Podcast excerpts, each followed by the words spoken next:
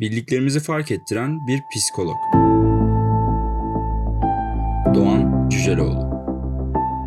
Maneviyat ile dindarlık arasındaki farkı açıklayabilir misiniz? Sanırım açıklayabilirim.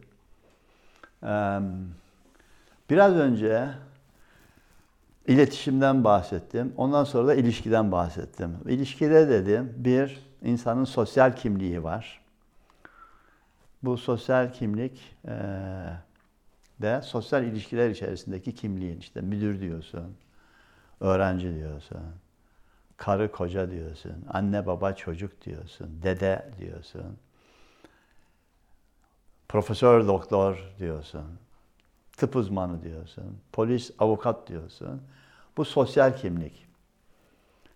Bir de öz kimlik var dedim. Yaşam orada anlamını bulur. Bu öze gittiğin zaman ben kimim sorusuna nasıl cevap veriyorsun meselesi var ve değerler orada. Sosyal kimliğe gittiğin zaman aslında kurallar, kanunlar iş içerisine girmeye başlar. Değerler sen kendi tanıklığın içerisinde yaşatırsın. Adil miyim? Hakikaten hakkaniyet içerisinde hareket ediyor muyum meselesi var. Bunun kurallarını koyduğun zaman bu kurallar ilkeler şeklinde, kurallar şeklinde ve kanunlar şeklinde topluma yansımaya başlar. Bundan dolayı bir toplumun anayasası o toplumun uygarlığının temelindeki değerler üzerine yazılabilir. Eğer bir toplum her bir birey özgür olma, mutluluğu arama hakkıyla doğar. Bu hak ona doğuştan verilmiştir diyorsa anayasasına ona göre kanun koyar.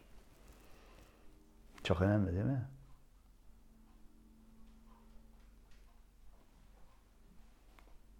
Her bir bireyin mutluluğu arama hakkı vardır. Anayasasına konmuş vaziyette. Bu çok önemli bir gelişim. Kuzey Avrupa kültüründe. Birey aklını geliştirme ve kendi kişiliğini geliştirme özgürlüğüyle doğar. Toplum ona bu ortamı sağlamakla görevlidir. Bir değerse eğer ona göre aile hukuku oluşur. Ona göre eğitim hukuku oluşur. Ona göre eğitim kuralları oluşur.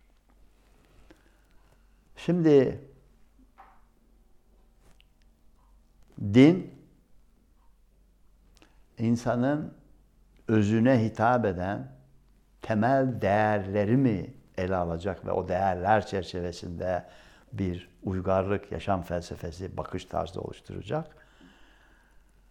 Buraya gittiği zaman ben buna manevi yaşam diyorum işte. Değerler orada oluşuyor. Din senin sosyal ilişkilerinde nasıl giyineceksin? Kaç kere namaz kılacaksın? Ne zaman hacca gideceksin? Mülkünün ne kadarını vereceksin? Neyi ne zaman yapacaksın? Sakalını ne zaman keseceksin? Ne kadar uzaksın? Saçını göstereceksin, göstermeyeceksin gibi önemli görüyorum bunu ama bunlar üzerinde durup öbürünü ihmal ediyorsa o zaman böyle görünüşe önem veren ama değerlerin yaşamadığı bir toplum ortaya çıkmaya başlıyor. Ve bu bana çok aşina bir manzara olarak görülüyor.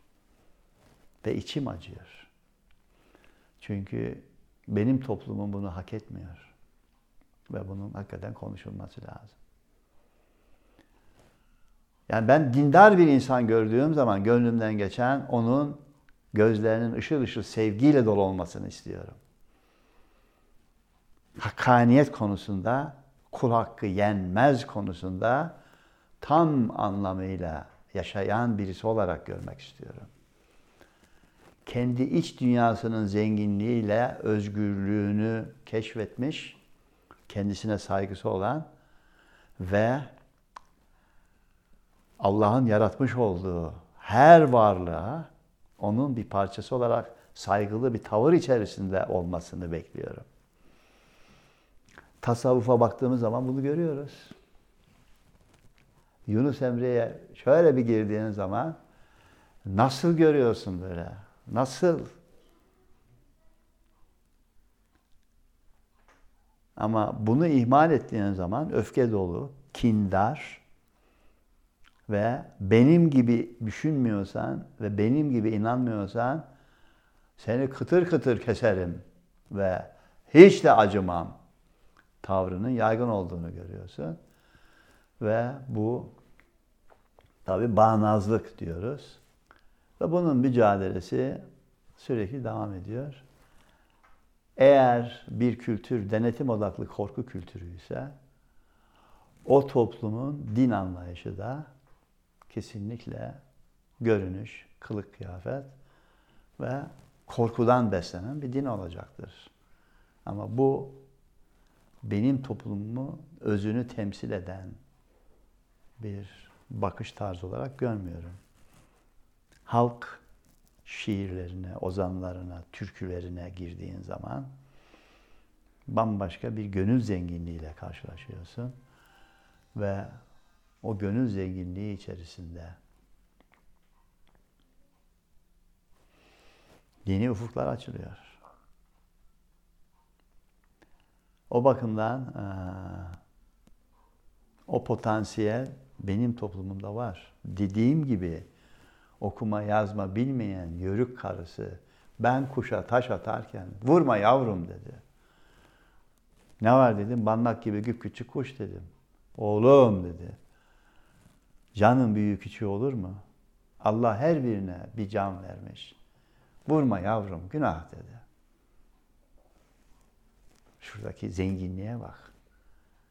Anladın mı? 10 yaşındaydım. Hey hayır. Ama hissettim. Anladığım zaman 42 yaşındaydım ve dedim vay be. Şu biz bilincine bak ya. Vay be. Bunu Kızılderili kültüründe de görüyorsun. Ayı biraderden bahsediyor. Ve hiç de aşağılamıyor. Kartal kardeşten bahsediyor. Hiç de aşağılamıyor. Müthiş, zengin bir aileyiz. Böyle baktığın zaman.